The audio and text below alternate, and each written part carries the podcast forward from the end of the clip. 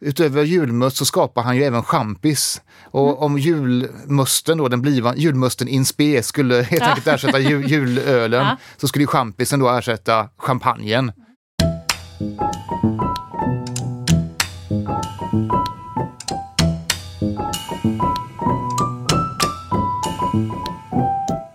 Här är Matarvspodden.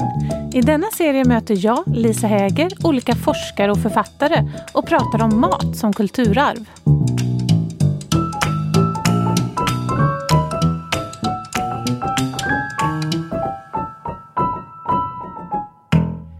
Välkommen igen, säger jag till dig då, Martin Berntsson, professor i religionsvetenskap vid Göteborgs universitet. Tack så mycket. För du har ju varit här tidigare och pratat om en gyllene pålande dryck, eller hur? Jajamän, Pommac heter den. Ja, så om du har missat att lyssna på det avsnittet om Pommac så rekommenderar vi att du tittar tillbaka några avsnitt i eh, Matarvspodden och eh, lyssnar på det. Men det här är ett fristående avsnitt så man kan ju lyssna på det efteråt om man vill också, eller hur? Precis. För vad vi ska prata om idag är ju någonting som är, ligger väldigt nära Pommac och det är ju läsk. Precis. Vad är läsk för någonting?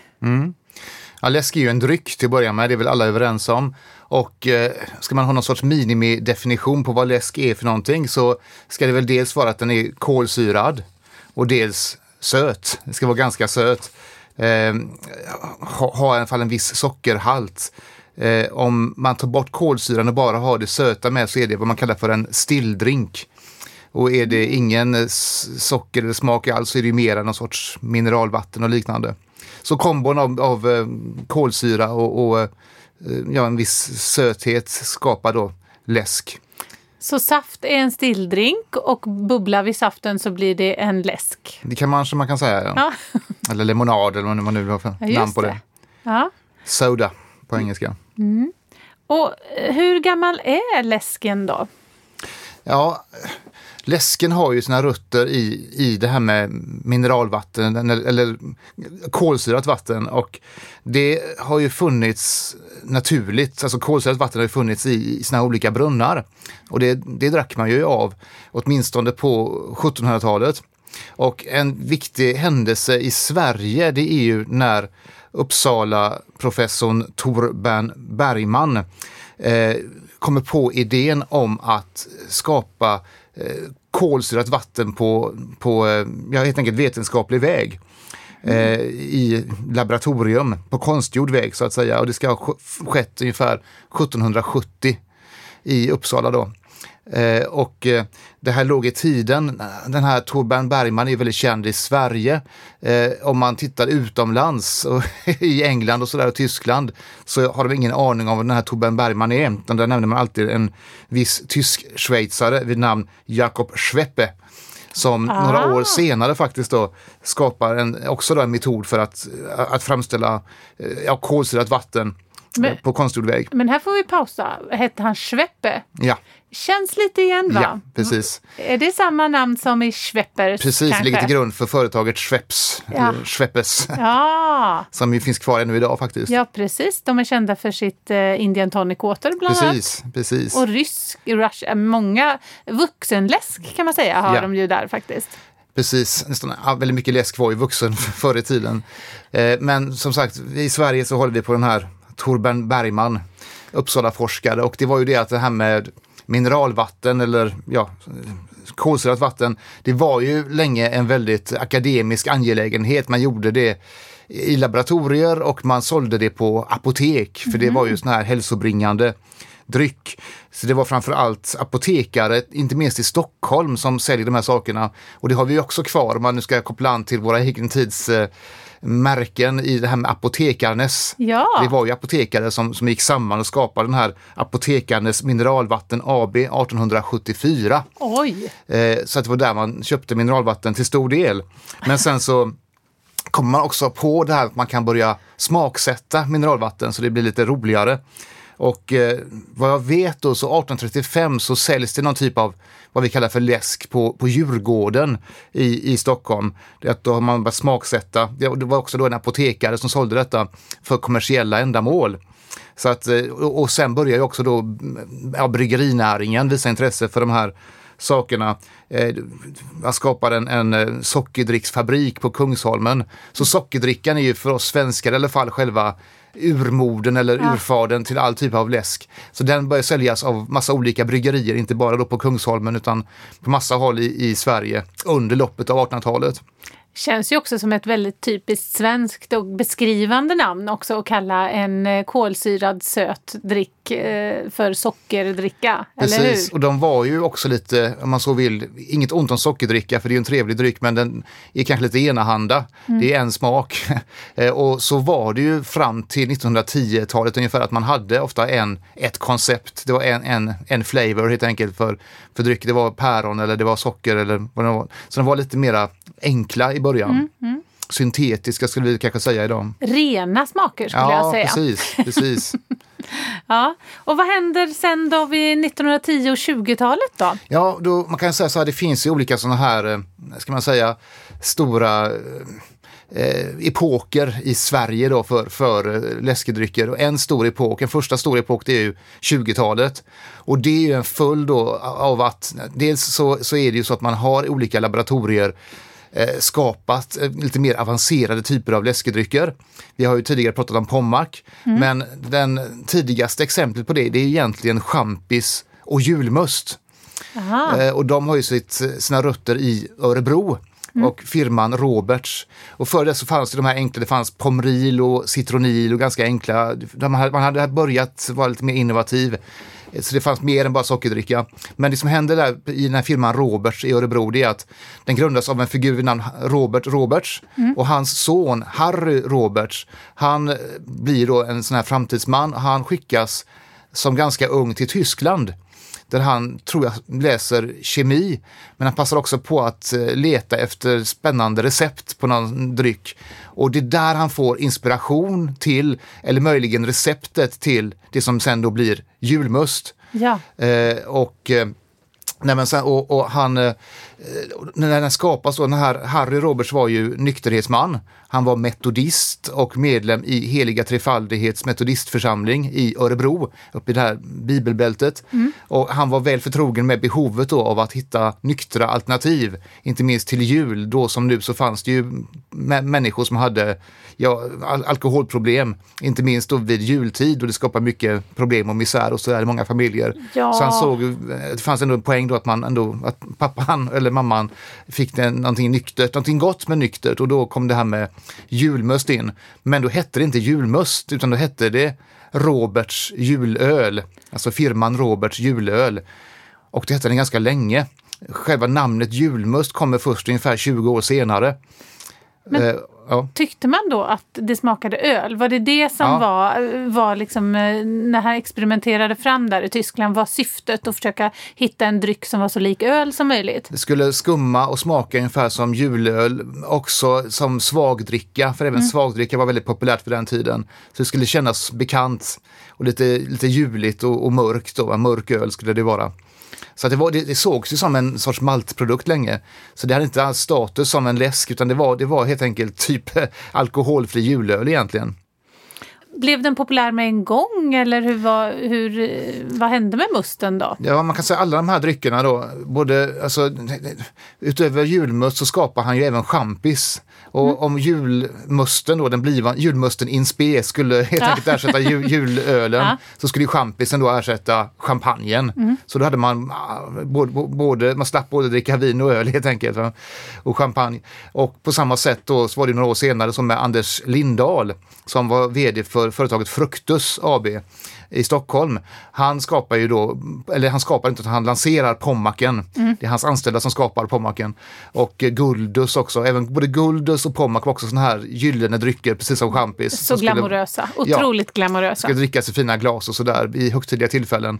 Ja, så ofta det gick under året på påsk och midsommar och sådär. Mm. Och det fanns det stort behov av då på 20-talet, när det kommer in de här alkoholrestriktionerna. Motboken kommer in och man, man, man bedriver en väldigt restriktiv alkoholpolitik som ju varar då fram till 50-talet. Så då fanns det verkligen behov av eh, fina, goda drycker som alternativ till alkohol och då fanns det sådana färdiga helt enkelt att sälja och det gör ju att de blir väldigt populära. Sen så blir det då en sån här konkurrenssituation för att vi har då de här Roberts i Örebro och vi har Fruktus i Stockholm. Det är två essensfabriker. De skapar helt enkelt essensen som man sen då säljer vidare till olika bryggerier som då tillför vatten och sådär gör det eh, till riktiga drycker. Och eh, de, de är i konkurrens med varandra. Så Fruktus, de, tar, de, de försöker helt enkelt konkurrera eh, och skapa sin egen mot, motsvarande julöl som de kallar då för julmust. Så jag tror det är så, men jag är inte hundra på det. Men jag tror att det är så att Fruktus är de som faktiskt kommer på begreppet julmust. Så då blir det helt enkelt en strid om vem som äger själva den här ja, essensinnehållet. Och den avgörs då till firman Roberts då, fördel, som, har- som hade skapat själva den här drycken från början. Och då när de vinner detta så byter de namn till julmust. Så det kan vara så, men jag är inte helt hundra på att det är alltså Anders Lindahl som är VD för Fruktus som skapar både namnet Pommac och julmust. Möjligen. Men är det så att det är samma smak på all julmust? Är det, en, är det ett koncept? Är det essensen fortfarande som man eh, säljer eh, vidare? Det här Roberts är ju ett familjeföretag så man har ju bevarat det här receptet i släkten. Så att det är samma essens och essensens innehåll är ju då hemligt som det ofta är med såna här eh, läskedrycksessenser. Så det förvaras ju i ett eh, bankvalv, själva det här receptet i en gammal bok som väldigt få har tillgång till. Vad jag vet så är det bara tre personer som vet vad som egentligen finns i eh, julmustessensen. Oj, det där skulle man ju verkligen vilja göra en sån eh, James Bond-inbrott och ta reda på vad det är i den. Ja, men det är också ibland så är det lite spännande att det är hemligt ja. också. Ja, ja, absolut. Det var ju samma story om Coca-Cola också, så det är en, bra, det är en bra historia. Men eh, kan vi försöka avgöra den här frågan en gång för alla? Är det en skillnad mellan julmust och påskmust? Nej, det är det att det är inte, essensen är ju densamma. Sen ser är det så här att när man då säljer essensen till olika ja, bryggerier så kan det ju vara så, de har de noggranna instruktioner för hur man ska göra, vilken, vilken andel vatten det ska vara och sådär. Men sen kan det vara olika typer av vatten i olika bryggerier. Vissa kanske använder vatten från en finare källa än en annan. Så att riktiga kännare kan ju känna skillnad på olika bryggeriers julmust eller för den delen olika bryggeriers pommac eller liknande också faktiskt. Eh, och vissa hävdar då att, att den, den blir mer lagrad till påsk och sådana saker. Men essensen är alltid densamma så att det är ingen skillnad på påskmustessens och julmustessens. Det fanns också sommarmust ett tag som inte riktigt funkade. Som också var samma essens? Ja, Ja, ja jag, jag kan se det, att det är för förknippat med minnen. På, Mm. men, men om det börjar med julmust så är det väl en utveckling sen med påskmusten då? ja Eller? precis. Det kom ganska snart. Ett, ett, ett säljande koncept vill man gärna utveckla så att säga. Ja, men sant. Har vi några mer drycker som kom där förutom julmusten på eh, början av 1900-talet? Vi har pommacken, vi har de här, men är det någon mer som vi fortfarande dricker Ja, idag? men vi har några stycken där. Alltså 20-talet är då sån här gyllene period för både som sagt julmust och för champis och, och, och pommac och guldus som fanns länge också. Men i samma veva så kommer ju även till exempel Portello Som är viktigt för alla norrländska lyssnare för den har särskild koppling till Norrland. För den skapas nämligen av Malmbergets bryggeri. Och den lär vara väldigt populär fortfarande i, i Norrland. Eh, Och det som är typiskt för Portello det är också den är ganska elegant och trevlig och har ett väldigt elegant namn. Och den är ju lite mer sockrig. Den är lite mer, kallas ibland för godis på flaska. Eh, och så. men är det lite samma smak som champis och pommac? Det är, Eh, på, det är på samma tema ska jag väl säga, Ja. fast lite sötare. Är Trocaderon där också eller? Trocaderon är, det kommer vi till sne, Ja, nej, för det är så här Jag ska hålla mig. Jag ska 50-tals hålla mig. Jag håller mig och väntar på Trocaderon. Ja. För du menar alltså port, den är lite sötare men är ändå i samma gyllen eh, sektion som eh, Ja, lite mer champis. elegant, Den eleganta, ja. Precis. Eh, och eh, framåt 30-talet så kom det en annan typ av läsk har du berättat. Ja, alltså 30-talet så kom ju Loranga till exempel. Och Loranga är ju den första sån här eh, gula apelsindrycken vad jag vet i Sverige. Det är den första men inte den sista, sen kommer det massa andra. Det är före Fanta och före Zingo de här.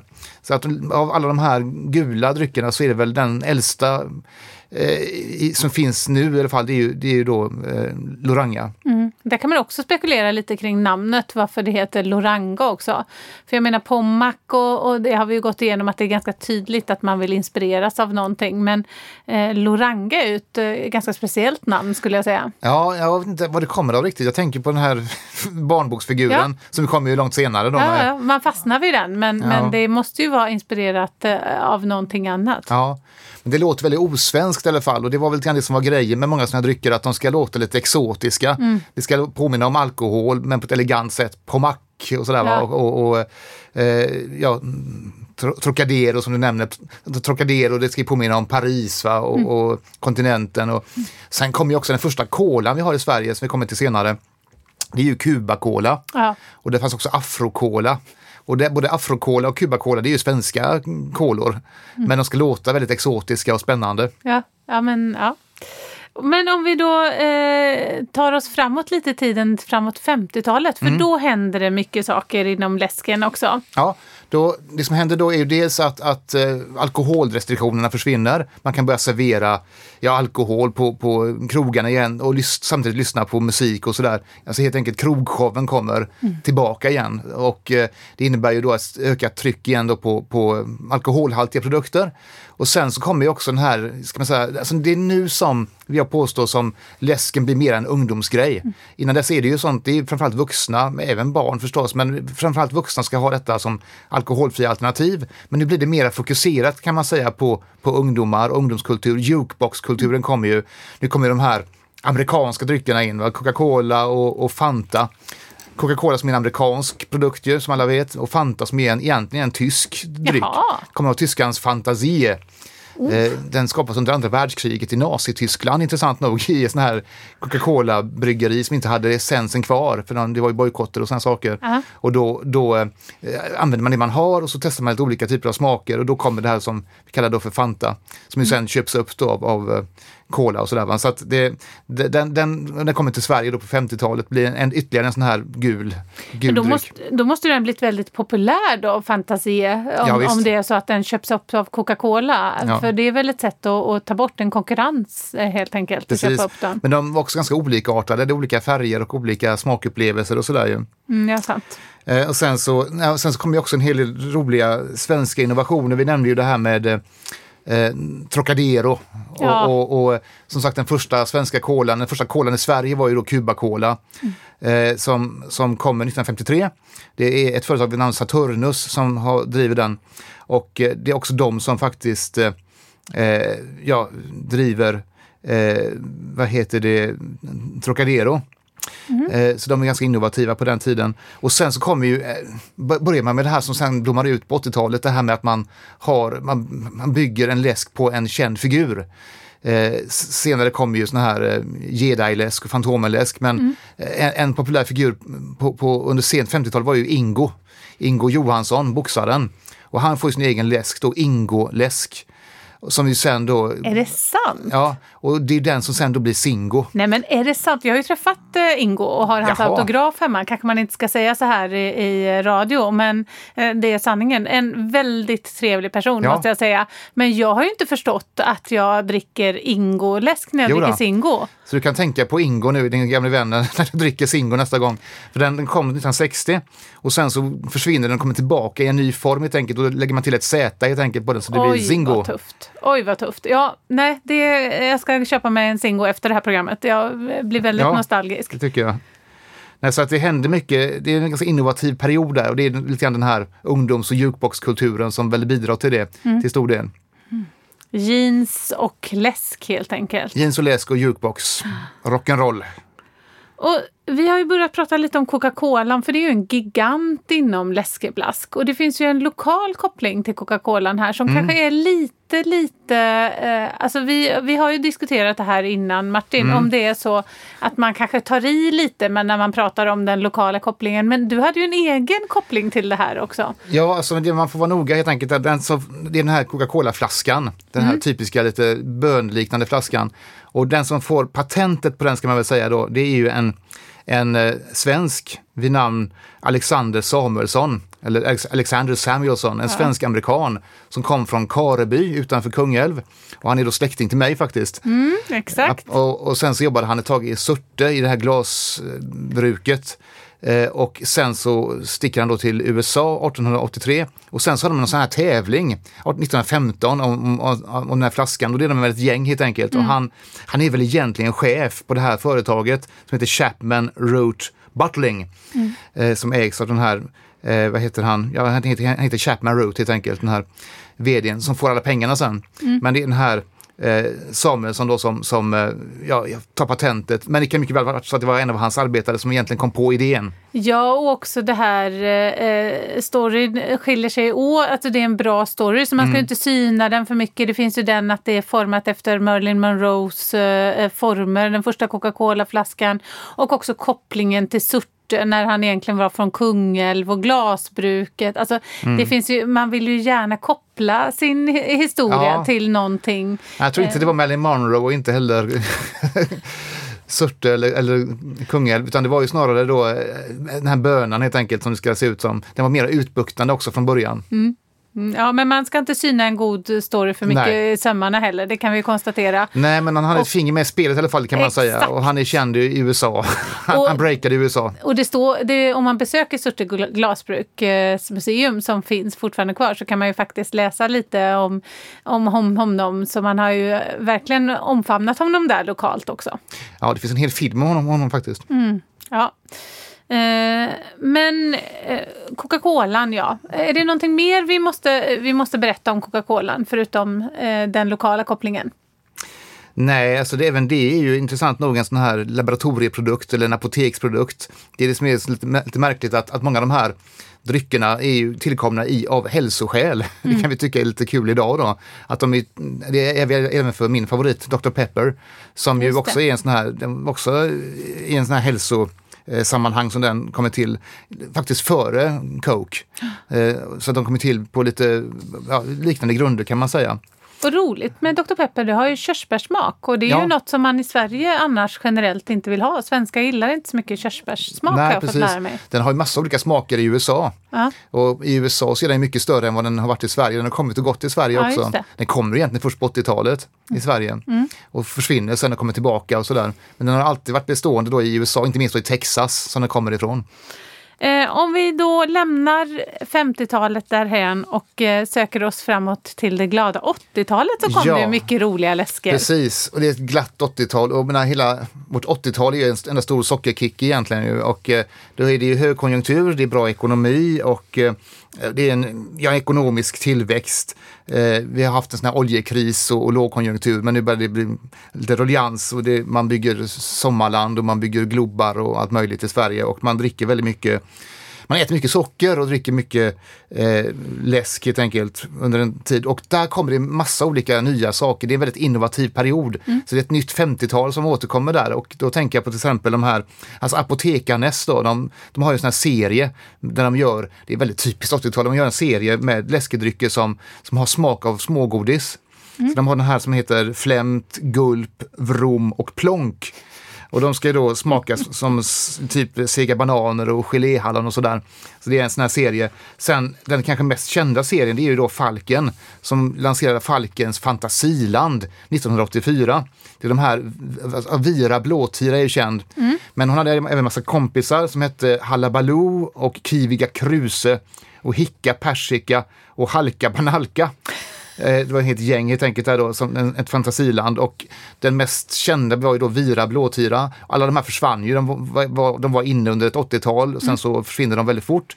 Och sen Vira Blåtira, hon har ju sen kommit tillbaka två gånger faktiskt i nya former. Men hennes kompisar är fortfarande borta. Jag saknar möjligen Kiviga Kruse för det var en trevlig, var krusbärssmak på den. Det var väldigt, Och väldigt eh, grön. ja, Det väldigt var grön. ju starkt grön. Är det Vira Blåtira, tror du att hon är så populär för att det är väldigt blått? Och det är lite Ja, men det exotiskt tycker, med läsk. det tycker jag barn är roligt. Här ska du få en läsk så blir tungan blå. Ja, men den vill jag ha. Och, nej, men så det, det, det är väldigt innovativt. Och sen kommer ju även, eh, ja det kommer ju de här, vissa sådana här ytterligare am- amerikanska klassiker som Sprite och, och, och Dr. Pepper. Och sen så kör man de här som jag nämnde, de här eh, figurerna som är väldigt kortlivade. Man har Fantomenläsk som jag gillade, som var blå då, som Fantomen var i Sverige. Betty Boop-läsk och, och Rosa Pantern-läsk som var, förstås var rosa. Och E.T.-läsk fanns ju när E.T.-figuren var inne, det var en sån här rymdläsk då. Och Jedi-läsk som då kopplar an till Star Wars, eller Jedi-läsk. Eh, och, och sen så är det ju, även nu kommer det ju den här, ni kanske minns den här XL-cola. Det var ju, det var ju kamp mellan Pepsi och eh, Coke. Men så kom ju 85 någon gång kom ju XL-Cola i Sverige mm. som är ytterligare en sån här svensk. Så det fanns ju både Cuba-Cola, XL-Cola och Pepsi och Coke. Det var en stor konkurrens där om, om kolan. Och det var ju också för att 85 där så, så ändrade ju kolan sin smak i USA. Så man ville liksom förnya den för det hade gått lite grann ner där. Man ville göra den lite sötare tror jag och sådär och det blev inte särskilt bra.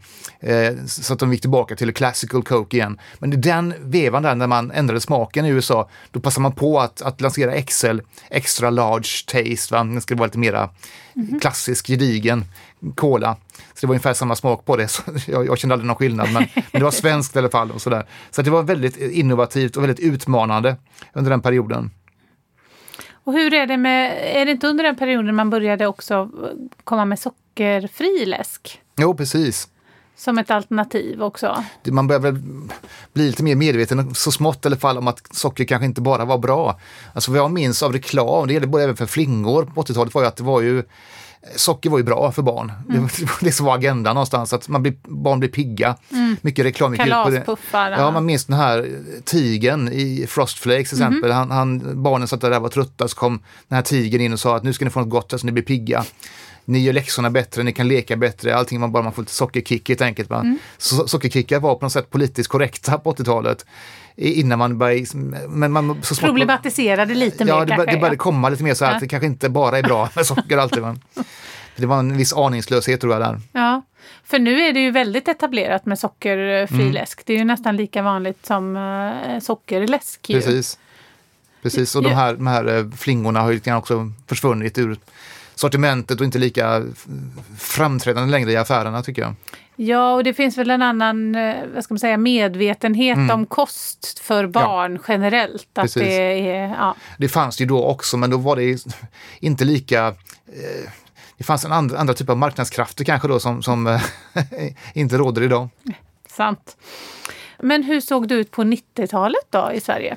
Jo, det är ett lite bortglömt decennium när det gäller just läsk, därför att det händer inte särskilt mycket. Men det som händer är framförallt det här med alkoläsken som ju kommer. Och all, alla de här läskedryckerna säger någonting om sin tid. Alltså 20-talets alkoholpolitik, 50-talets jukeboxkultur, 80-talets högkonjunktur och sockerkickar. Och 90-talet då, det är en sorts förlorad oskuld. Där, där, där eh, försvinner på något sätt folkhemstanken. Eh, folkhemmet tar hand om sitt folk och sådär. Vi går med i EU, det blir stora skillnader. Och då kommer alkoläsken. Och det här med alkoläsk, det som på engelska heter RTD, ready to drink, det fanns ju utomlands även tidigare. Mm. Men Systembolaget vill inte ta in det. Men så går vi med i EU, det kommer det här Romfördraget. Och det är att man måste hela tiden, man måste helt enkelt sälja. Man får inte ha, man får inte ha förbud mot vissa produkter helt enkelt i Sverige. Utan allting måste mm. kunna tas in. Mm. Och vad jag minns när det kommer är att det är väldigt mycket varningar. Att det här ses ju då som en sorts eh, ja, inkörsport för törstiga läskdrickande ungdomar in i alkoholism. Mm. Och, och, det är lite grann den här myndighets-Sverige som lite grann börjar fasas ut på något sätt. Mm. Så det, alkoläsken finns ju kvar ännu idag. Även den är ju då en symbol för sin tid, den här, den här döende oskulden, den här, ja. den här folkhemstankens eh, tillbakaträngande. Ja, ganska långt bort från motboken, eh, ja. alkoläsken, ja såklart. Ja, och den, tillsammans med den söta eh, siden som mm. fanns. Vi har faktiskt inte ens pratat om den söta siden som läsk. Det kanske är ett helt annat avsnitt. Kan, ska kan, vi... vi kan återkomma till den helt enkelt någon gång. exakt, exakt. Cideravsnittet kommer kanske längre fram också. Eh, om vi pratar om dagens eh, läsk, hur ser det mm. ut på läskedrycksfronten eh, nu för tiden? Jo, precis. Det som, är, det som är typiskt för vår egen tid, tycker jag i alla fall, mm. är en sorts hållbarhetstänkande och rebootande. Man, man helt enkelt kör med, med eh, viss variation men med säkra kort. Det är ungefär som i väldigt mycket annan kultur. Att man, man hittar inte på särskilt ny, man tar gamla superhjältar och gör nya filmer om dem. Man, mm. re, man rebootar helt enkelt. Det har man alltid gjort på sätt och vis, men jag tycker det är väldigt typiskt för vår egen tid att det är ja. inte så mycket innovation utan man, man vill gå till det trygga och invanda och det hållbara. Mm. Det som ändå äger bestånd. Och det märker vi även inom ölkulturen.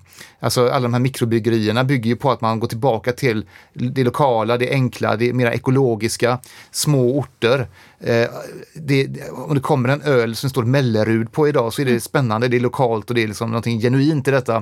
Det hade inte funkat på samma sätt på 80-talet. Även om den är producerad av storbryggeri. Ja, ja. Så, Det ska, det ska låta Ja. lokalt i alla fall. Ja. Och eh, eh, samma sak är det då med, med läsken, att vi har inte så mycket nya innovationer, de här Hallabaloo och de här 80-talsgrejerna, de ser vi inte. Utan däremot så, så, så ser vi eh, variationer i det som finns, alltså Coke och, och Fanta, de här gamla, de får lite olika smaker. Du nämnde körsbär i- Dr. Pepper och sådär. Mm. Man, man har de gamla men man gör lite variationer på dem, men man ändrar inte för mycket på ett vinnande koncept. Ja. Det ska vara hållbart och genuint och lokalt och eh, eh, ja, det ska kännas igen helt enkelt. Det ska vara något tryggt i en orolig värld. Men det är också så att det finns energidrycker som är på något sätt mellan läsk och någonting annat eh, som eh, tilltalar ungdomssektionen också. Där. Precis, och det kan man ju tänka på att eh, vi kan ju skratta väldigt mycket åt, åt den här naiva och frimodiga förhållningssättet till socker. Jag tänker på det här med Pommac till exempel, att man sa Pommac i hälsa. Att det var så hälsosamt med Pommac och, och, och de här Frostflakes och liknande.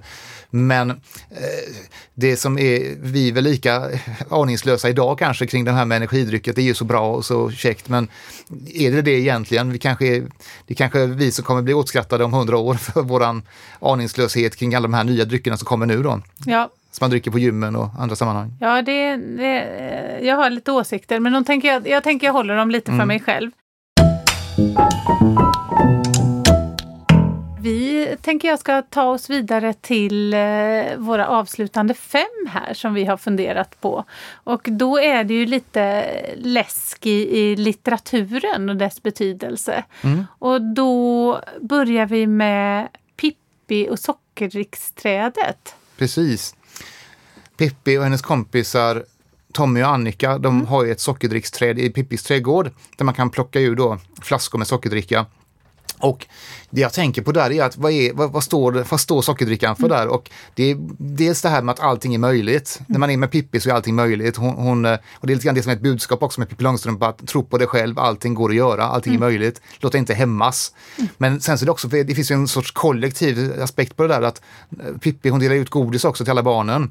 Hon käkar inte det själv utan hon delar ut, hon är väldigt frikostig och generös. Och det går ju även med sockerdrickan. Det är inte så att de sitter där själv och dricker detta utan det, det här trädet är ju Tommys och Annikas och hennes eget träd. Deras hemliga träd. Och det är som en sorts livets träd för dem på något sätt, en sorts symbol för deras vänskap också ju. Och det finns någon sekvens, jag tror det är, kanske är det den här när Pippi går till sjöss som de, det kommer någon som ska köpa Villa Villekulla och, och, och, och, såga ner det här trädet. Vilket känns väldigt korkat. Då. Han vill inte såga ner deras vänskap, deras Ja. band. Och sen blir hon ju kvar då och allting blir som vanligt igen. Ja. Så att det, det, är någon, det är någon sorts livgivande, det handlar om vänskap, det handlar om, om möjligheter. Och dela med sig. Ja. Av, ja, det är otroligt fint. Sen har vi ju, dyker ju läskedrycken upp igen eh, hos Emil i Backorva. Ja. Vad gör han där, Emil? Då är settingen den att han har ju då, de ska ju till- på auktionen i Backorva, hela familjen, där, eller inte hela men en- många, många i familjen ska med till Backorva. Och, och, och Emil han kommer efter för han är grindpojk va? Och tjänar pengar själv, nu har han egna pengar. Och då gör han ju såna här vanvittsaffärer som hans pappa säger. Så han köper ju, vad är det, en brödspade och, och en, en brandspruta och en sammetsask till sin syster. Och, och pappan blir jättearg och, och skäller ut honom, det är, det är vanvettsaffärer. Och sen så köper han ju då sockerdricka som han då halsar en efter en. Och då blir pappan jättearg. Alltså ska du slösa pengar på, på sockerdricka? Och då blir ju Emil själv arg och, Ja. och, och ja, som eh, säger när, när hundar ska dricka sockerdricka. har, har jag inga pengar så får jag inte dricka pengar och har jag inga pengar så, ja, Ja, något sånt är det. Mm. precis. Ja, Och, och Stackars Emil. Och sen, när hunden ska dricka sockerdricka. exakt. Så, han- och det- och- i hundan drar jag då dricka Precis, sockerdricka. och det, är- det är ju nästan en svordom. Ja. Så pappan blir jättearg där och det renderar ju ett sån här, eh, vad heter det, eh, det här huset han sitter i, snickerboa, snickerboa-straff. Eh, och, och det är för att det nästan är en svordom. Och Emil skäms, men han väl har skämts klart så köper han en till. Ja, ja. Och delar med Alfred, så det handlar också om vänskapen där va? Och, och att man delar det tillsammans, så att det är något som ändå är glädjefullt. Så den, jag tror det är Alfred som säger att det är den godaste drycken han någonsin har dru- har druckit. Och barn idag blir oftast väldigt rädda för eh, Emils pappa. Att Ja. man är väldigt ovan vid att papper är så arga som Emils pappa Men det är. blev man själv är också tyckte jag. Alltså Allan Edwall, var ju, man var ju jätterädd för honom. Men idag tycker jag man kan lite grann förstå honom också. Alltså Det här med att när barn ändå har egna pengar så köper man halsar sockerdricka efter sockerdricka. Man skulle kanske inte bli så arg förstås, men man, det är inte riktigt bra heller kanske. Alltså jag är eh, team Emil där skulle Ja, jag säga. okej. Att jag tycker att det är faktiskt rimligt om man nu har jobbat som, som grindslant äh, Ja. kille så kan man faktiskt få välja att det är det man vill.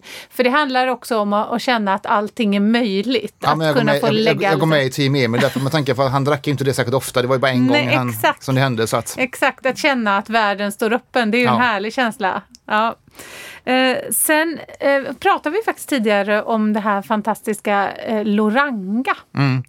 Det är ju som vi sa tidigare en eh, barnboksfigur. Var, var hör Loranga hemma? av, av Barbro Lindgren. Mm. Och han heter ju Loranga och han har en son som heter Massarin och en pappa som heter D'Artagnan. Och det är ganska roliga namn det där ju.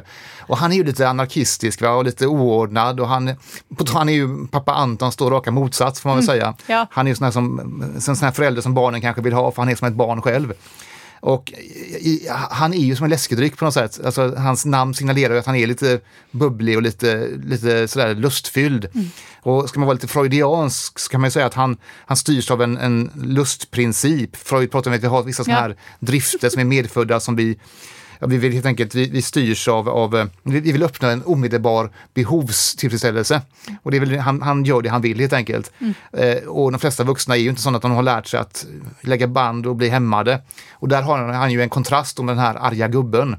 Som ju är för mycket av, av det där. Va? Som, och det jag tänker är att, att vad man, man kan tycka man vill om Loranga, att han är väldigt oordnad och anarkistisk och lite galen och sådär. Men han är också en person som just därför gör lite skillnad. I sin, sin lustprincip så gör han ändå någonting gott. Va? Han gör ju att den här arga gubben ändå blir lite snällare. Ja. Och, och någonstans så tro, tror jag att han tycker om sitt barn. Han, han tar hand om sitt barn ändå, Massarin.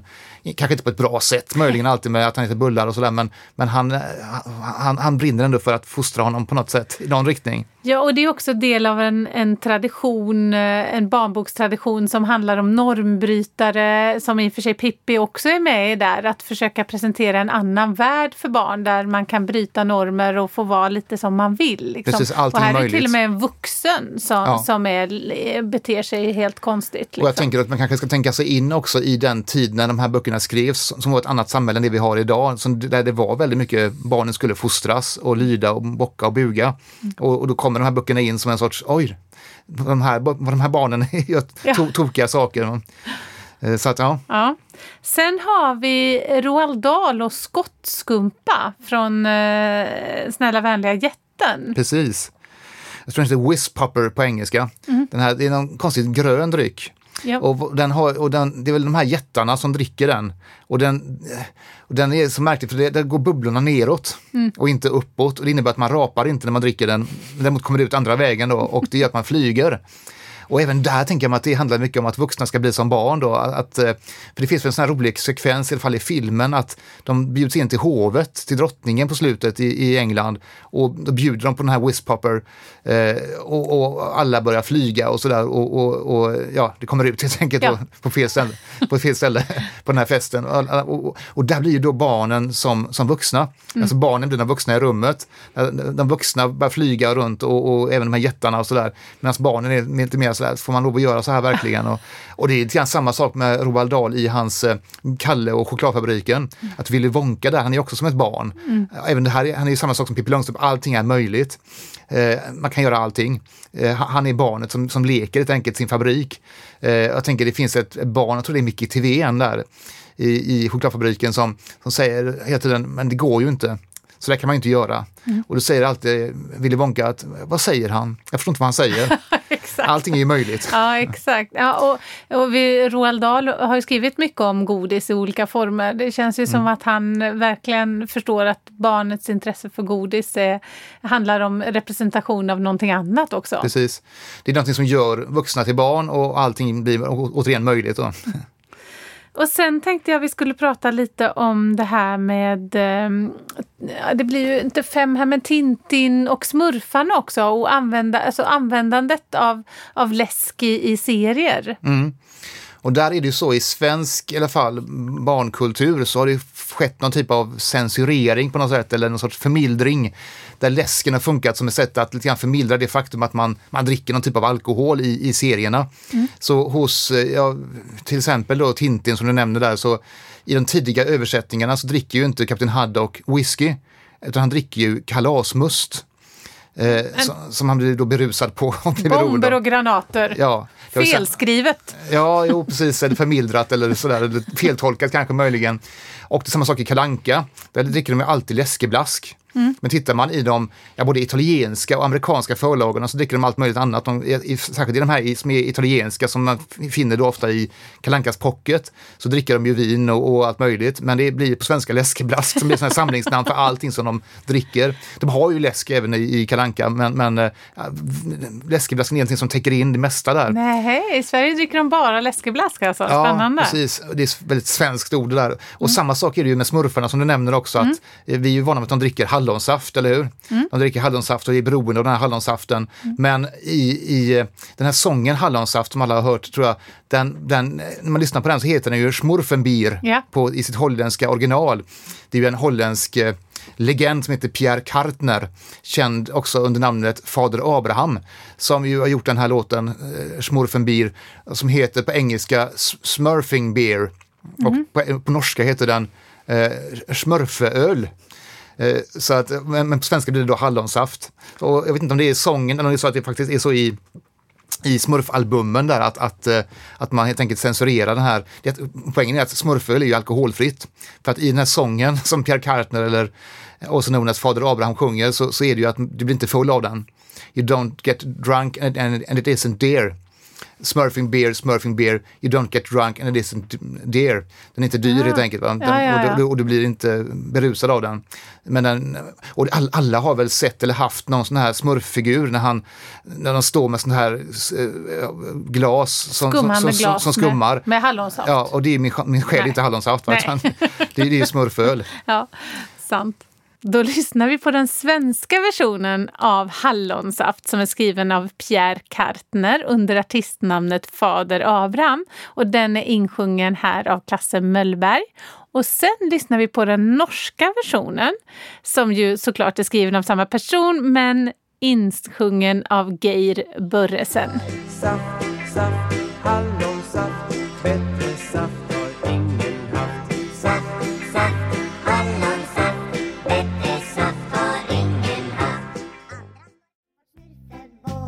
Öl, öl, smurfeöl Det lager icke smurfekröll Öl, öl, smurfeöl Ja, bästa av allt är smurfeöl Äh, vad spännande. Och också vad roligt att vi i Sverige är så rädda för eh, alkohol så att vi måste döpa om allting till... Eh, Ja, och det man får tänka på där är att eh, serier tänker vi kanske idag som att det är liksom ändå någonting av, det är en kultur för alla. Men då var det ju, såg, såg det som barnböcker Ja. och barnböcker skulle ju ändå vara lite fostrande. Och eh, det var då fel fostran att uppmuntra till alkoholdrickande för, för barn. sant, sant.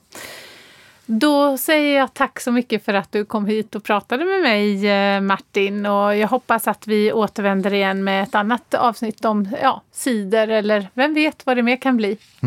Tack, Tack. så mycket. Matarvspodden produceras av Kulturarvsakademin vid Göteborgs universitet. Vill du veta mer om mat som kulturarv? Läs gärna böckerna Matarv och Matarvets trådar publicerade på Carlssons bokförlag. Och vill du veta mer om Kulturarvsakademin? Sök på webben.